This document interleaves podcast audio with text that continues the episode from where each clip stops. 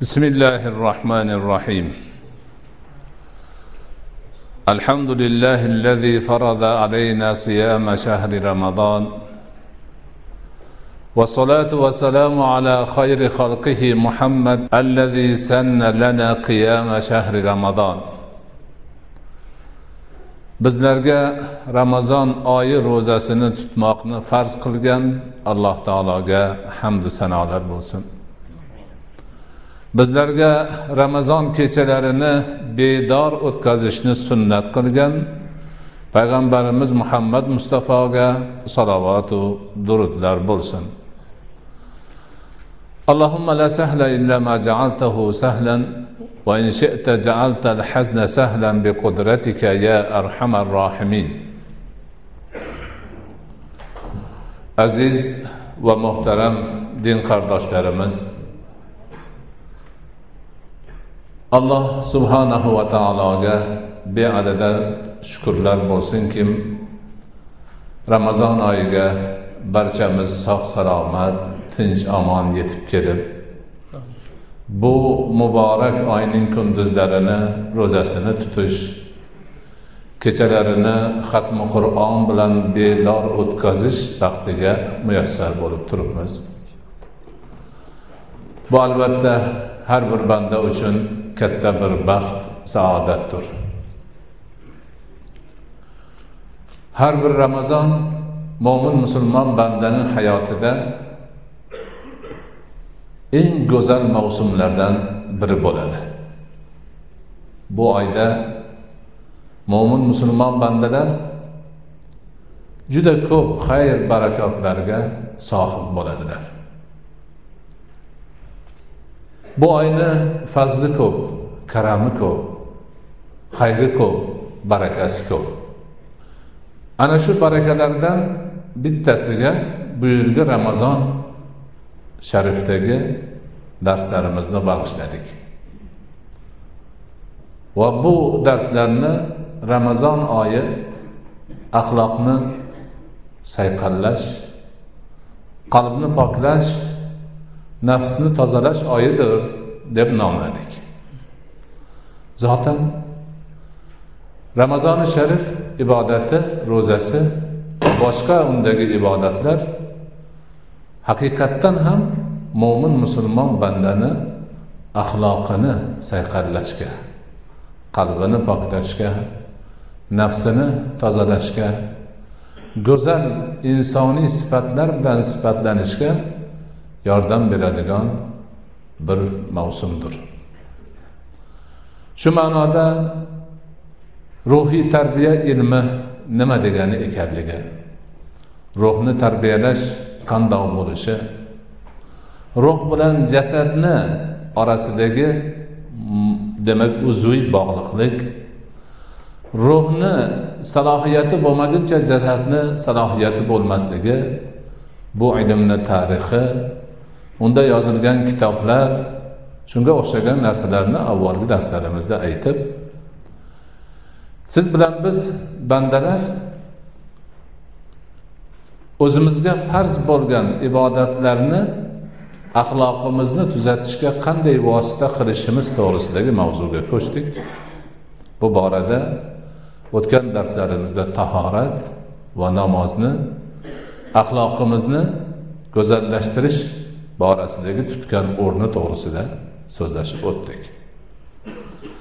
Bugun dinimizni iymon va namozdan keyingi uchinchi rukni bo'lgan zakot ibodatining mo'min bandani xulqini sayqallash qalbini poklash nafsini tozalashdagi tutgan o'rnini gapirib o'tmoqchimiz. Lekin o'z uz o'zidan savol paydo bo'ladi.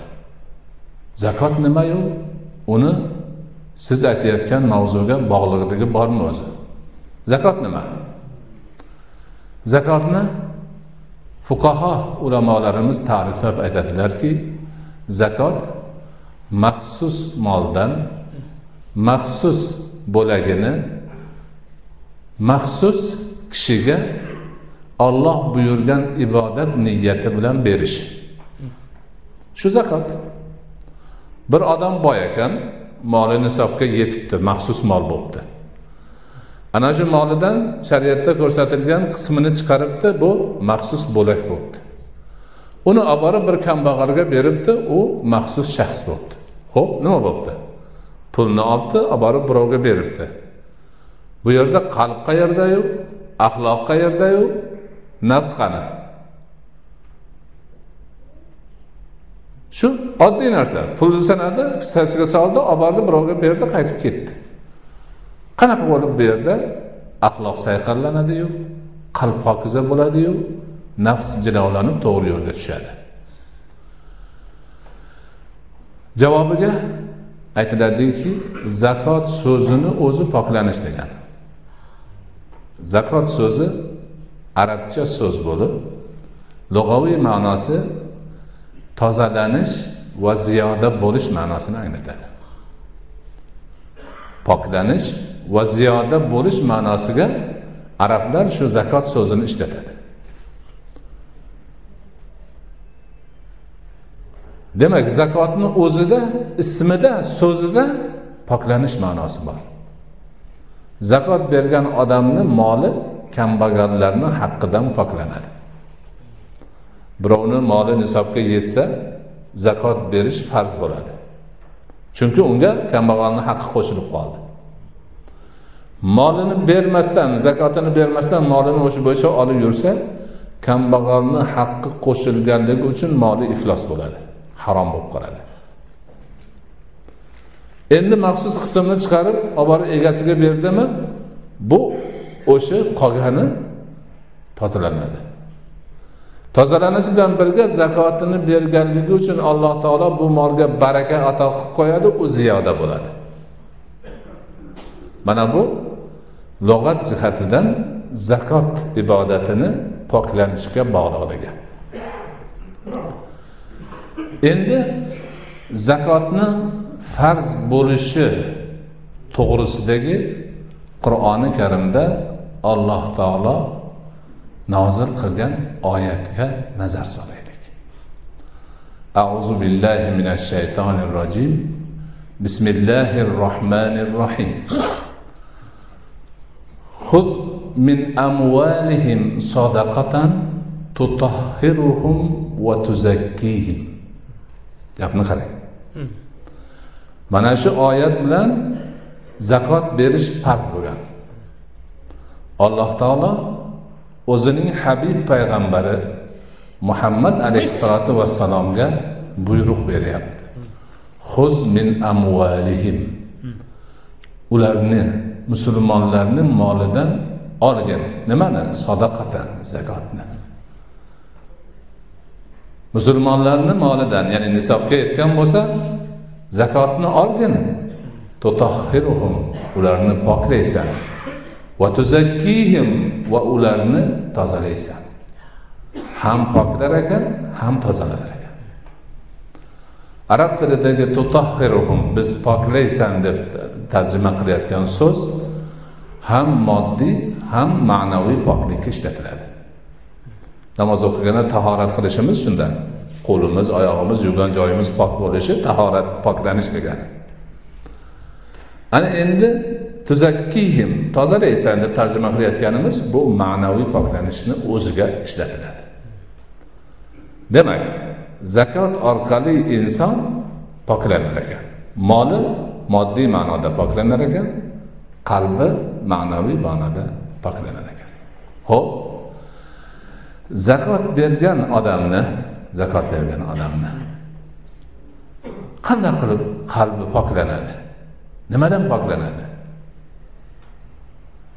Siz bilan biz yaxshi bilishimiz kerakki dunyoning muhabbati moli dunyoni pulni ha boylikni muhabbatidan ziyoda buzg'unchi muhabbat yo'q. Qaysi bir banda moli dunyoga o'ch qo'ysa shuni orqasidan quvadigan bo'lsa u moli dunyo uni o'ziga qul qilib oladi. Mol nima desa pul nima desa shuni qiladigan bo'lib qoladi. Birovni aldagin ko'payaman desa aldaydi. Birovni haqqini urgin ko'payaman desa birovni haqqini yeydi. Palonchiga zulm qilgin man ko'payaman desa uni ham zulmni qiladi. Ya'ni moli dunyoning muhabbati barcha buzg'unchiliklarni axloqsizliklarni boshi bo'ladi. Endi molni ushlab olgandan keyin bermay yursa nima bo'ladi baxil bo'ladi dunyoda o'ta baxillikdan ko'ra yomon dard yo'q ya'ni ma'naviy dard qalb dardi payg'ambarimiz alayhissalotu vassalom aytadilarki la yastamiu fi jawfil mu'mini al imanu va mo'minni ichida deydi payg'ambar alayhisalotu vassalom aytadilar.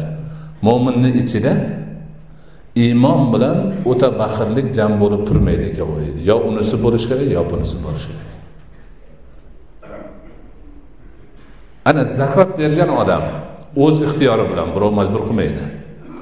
O'z ixtiyori bilan pulidan hayvonot boyligidan ziroat boyligidan yana boshqa boyliklardan nisobga aytgan bo'lsa ma'lum qismni chiqaradida o'zi olib borib beradi. Mana shu ishi bilan qalbidagi baxillik balosidan qutuladi. Saxiylarni safiga qo'shiladi.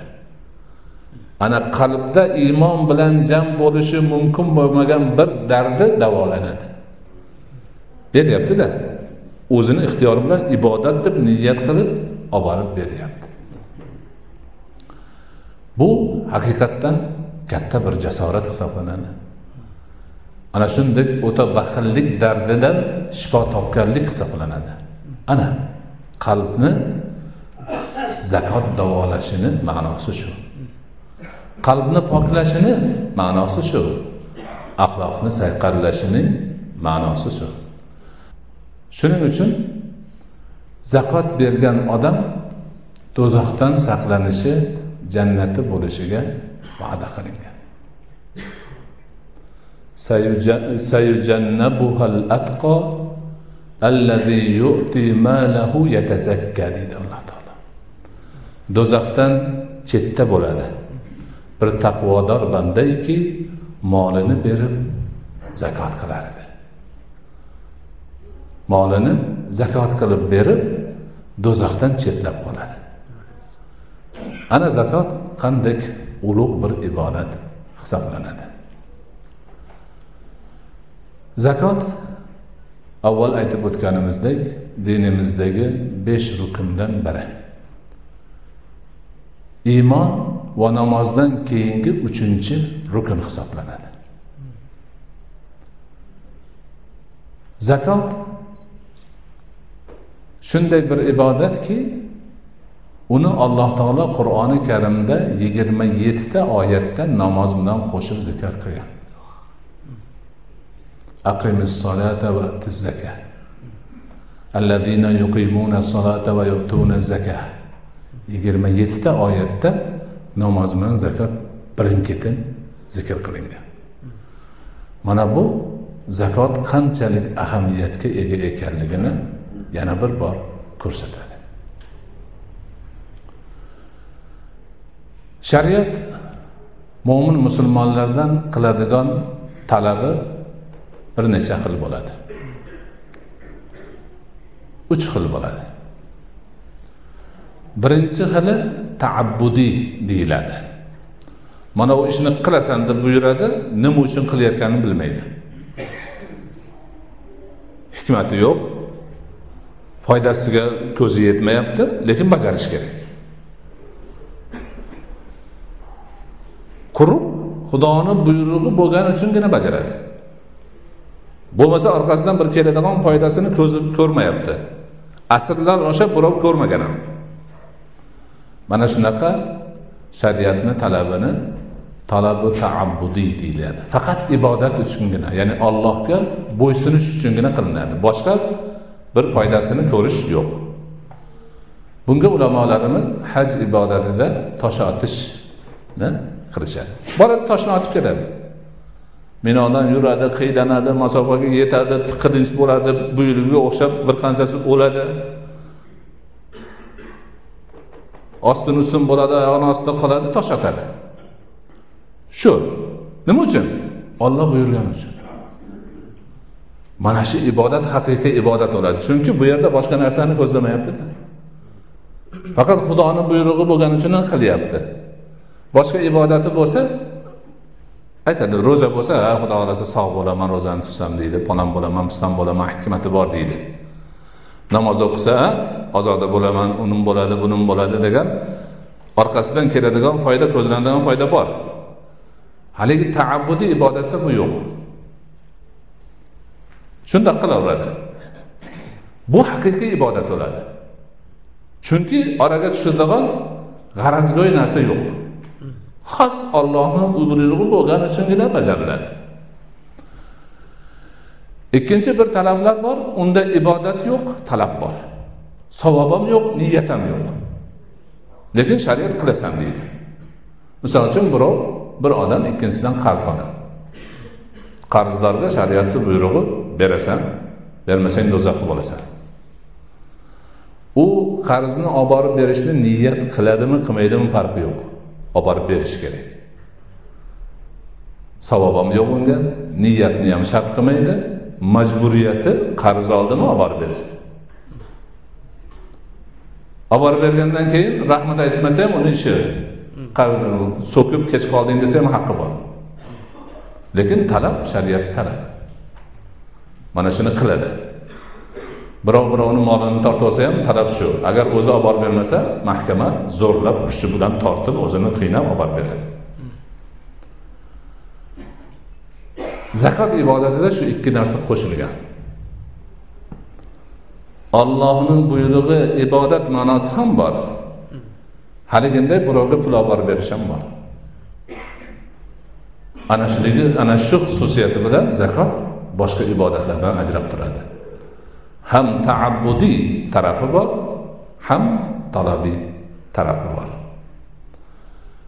Ana shundoq bu ibodat ikki tarafni jamlagan ajoyib bir ibodat hisoblanadi. Hozirgacha biz zakotni alhamdulillah fiqh bobida ko'rsatilganiga qo'limizdan kelganicha amalimiz bor. Hozir bizdan ayniqsa ramazonda ko'p so'rashadi zakotdan. Qancha chiqaraman? Ho'p birovda pulim bor edi qarzga olganida shuni zakotni hisobidan kechib yuborsam bo'ladimi? Akam kambag'alroq edi zakotni zakotimdan unga moshina olib bersam bo'ladimi? Debdi kecha bittasi internetda keldi savol. Shunga o'xshagan savollar. Ya'ni bermoqchilar qanaqa qilib beray? Iloji bo'lsa bir ish qilsamda o'zimga qaytsa shu degan ilinj bor. Haligi qarzini ustidan kechib yuborsam bo'ladimi degani shu. O'zi qarzini ololmay yuribdi u. Bermayapti u odam. Shuni deydi pul o'zimda qolsayu unga borib qarzimni kechdim zakotdan deb qo'ysam bo'ladimi deb so'raydi. Shunga o'xshagan narsalar. Undan nariga o'tganimiz yo'q. Lekin hozir biz o'rganayotgan ruhiy tarbiya ilmi chuqur ketadi. Bir qismini hozir ko'rdinglar. Bir qismini hozir man aytib berdim. Ikkinchi qismi endi mana shu ruhga qalbga bog'liq holatda zakotni beruvchini odoblarini joriy qiladi zakotning oluvchini odoblarini joriy qiladi.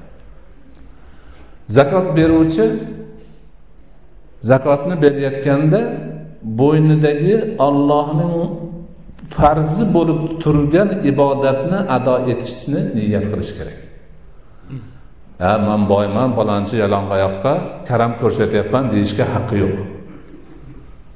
Man bandaman xudo manga mol berdi molim ko'payib ichiga kambag'alni haqqi qo'shilib qoldi shuni egasiga olib borib berishim kerak deyish kerak. Shuning uchun mashoyihlarimiz aytadiki zakotini olib haqdorni oldiga borgan boy haqdorga yalinsin deydi. Birodar shunaqa man bir oz vazifador bo'lib qolganman xudoni oldida. Yaxshiyam siz bor ekansiz shu ibodatimni ado etaman manga yordam bering. Man zakotimni olib keluvdim olib qo'ying deyish kerak. Yalinish kerak xudo xayringizni bersin deyish kerak. Man sanga karam ko'rsatyapman agar man bermaganimda och qolarding degan ma'no bu yerda mutlaqo ketmaydi. Yo'q yo'q hech bo'lmaydi. Baxillik dardidan qutulayotganini niyat qilish kerak. Undan keyin olloh bergan mol ne'matini shukronasini qilayotganligini niyat qilish kerak. Alloh taolo siz bilan biz ojiz bandalariga beradigan ne'mati jismoniy bo'ladi moliyaviy bo'ladi. Jismimizni yaratishi sog'liqni berishi a'zolarimizni to'la to'kis qilib qo'yishi mana shunday bir holatda yurishi katta buyuk ne'mat. Agar shu ne'matdan birortasi misol uchun mana shu bitta tirnoq ko'chib tushsa birov birov berolmaydi buni bizga. Hech kim berolmaydi. Bunaqa ya'ni sog' salomat jismdaqa ulkan ne'mat yo'q. Demak shu sog'lik salomatlik aqlni borligi ko'zni ko'rib turgani hammasini shukronasiga biz badaniy ibodat qilamiz namoz o'qiymiz haj qilamiz ro'za tutamiz badanimiz bilan harakat qilamiz. Endi alloh taolo moliyaviy ne'matlarni ham beradi. Pul mol qoramol tuyadir otdir boshqadir. Boylik boylik. Ana boylikni shukronasi undan chiqarib kambag'allarga bir qismini zakot qilib qilib berish bilan bo'ladi. Mana shu haqiqatni moli nisobga yetgan zakot berayotgan kishilar bilishlari kerak. Zakot beruvchilar man xudo uchun beryapman deydi. Xudoni buyrug'ini bajaryapman ibodat qilyapman allohga muhabbatim bor deydi. Ana o'sha muhabbatni tasdiqlasinlar zakotni minnat qilmay bersinlar. Birinchi oyatda o'qidikki sadaqatan. Zakatan demadi sadaqa deyapti. Zakotni asli nomi sadaqa o'zi. Sadaqa so'zi arab tilidagi sidiq tasdiq so'zidan olingan tasdiqlovchi degani. Qanaqa qilib zakot tasdiqlovchi bo'ladi. Desa ulamolar aytadiki iymoni bor odam ollohni aytganini qilaman degan davosi bo'ladi. Zakot bersa ana shu amal iymonini tasdiqlagan bo'ladi. Ana zakotni iymonga bog'liqligi qanchalik? Shuningdek zakot beruvchi odam eng muhim shartlaridan biri bergan zakotini minnat qilmaslik kerak. La tubtilu sadaqatukum bil manni val ada deydi alloh taolo. Zakotlaringizni sadaqalaringizni minnat qilish bilan azo berish bilan boshqalarga botil qilib qo'ymang yo'qqa chiqarib qo'ymang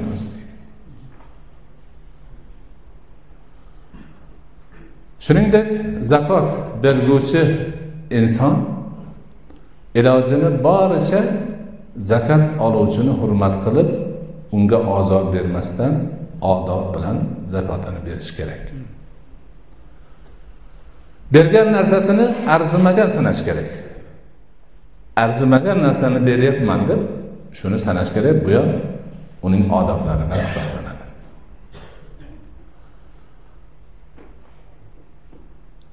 Iloji bo'lsa riyodan qochish uchun birovlarga ko'rsatmay berish kerak. Sadaqani maxfiy qilishni doim qur'on ham hadisdan ta'kidlab keladi.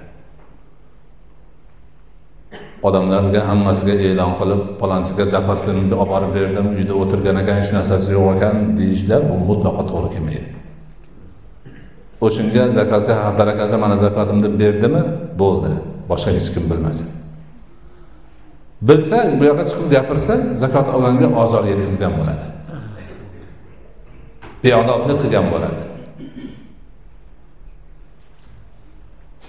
Ana endi zakot oluvchini odobi zakotni olganda zakot beruvchini haqqiga duo qilsin. Duo qilsin. Va uni ham zakot qalbini poklaydi. Qanaqa qilib poklaydi? Qanaqa birovni pulini olyapti qanaqa qilib yana qalbi poklanadi? Poklanadi. Pulini oldimi? Duo qildimi? Avval bu boy bizga bermay o'zi yeb yuribdi degan hiq hasad bo'lsa zakotni olgandan keyin ketadi.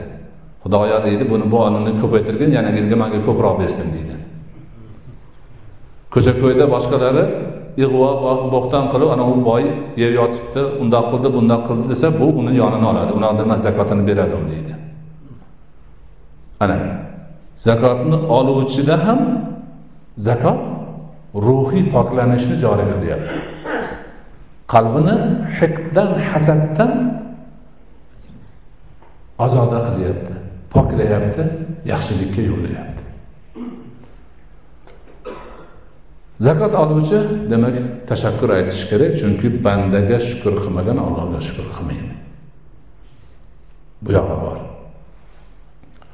Undan keyin aytiladiki zakot oluvchi ehtiyot bo'lsin.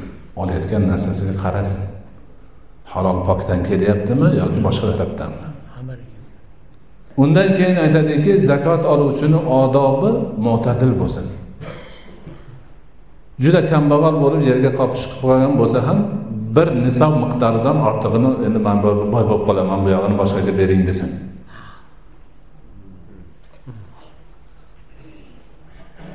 Qarzi bo'lsa qarzi borligi uchun berayotgan bo'lsa qarzidan ortiq olmasin. Qarzim shu edi mana manga qarzimga miqdorini berdingiz endi boshqaga bering desin.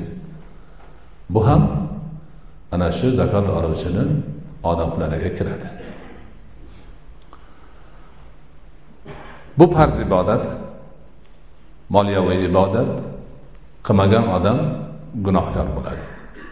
Lekin doim zakotni farzi uni ado qilishi qaysi moldan qancha chiqishini gapirib bo'lgandan keyin oxiriga kelib zakotdan boshqa ham moliyaviy ibodat bormi degan savol qo'yiladi.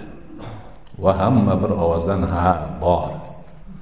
Ixtiyoriy sadaqa xayri ehsonlar bor imkoni bor mo'min musulmonlar buni qilib turishi kerak deb endi shu nima beva bechora kam ta'minlangan kishilar muhtojlarga doimiy ravishda sadaqa berib turish zakotdan tashqari targ'ibotlari bo'ladi alloh taolo qur'onda buni yetti yuz barobar savobini ko'paytirib berishini aytib qo'ygan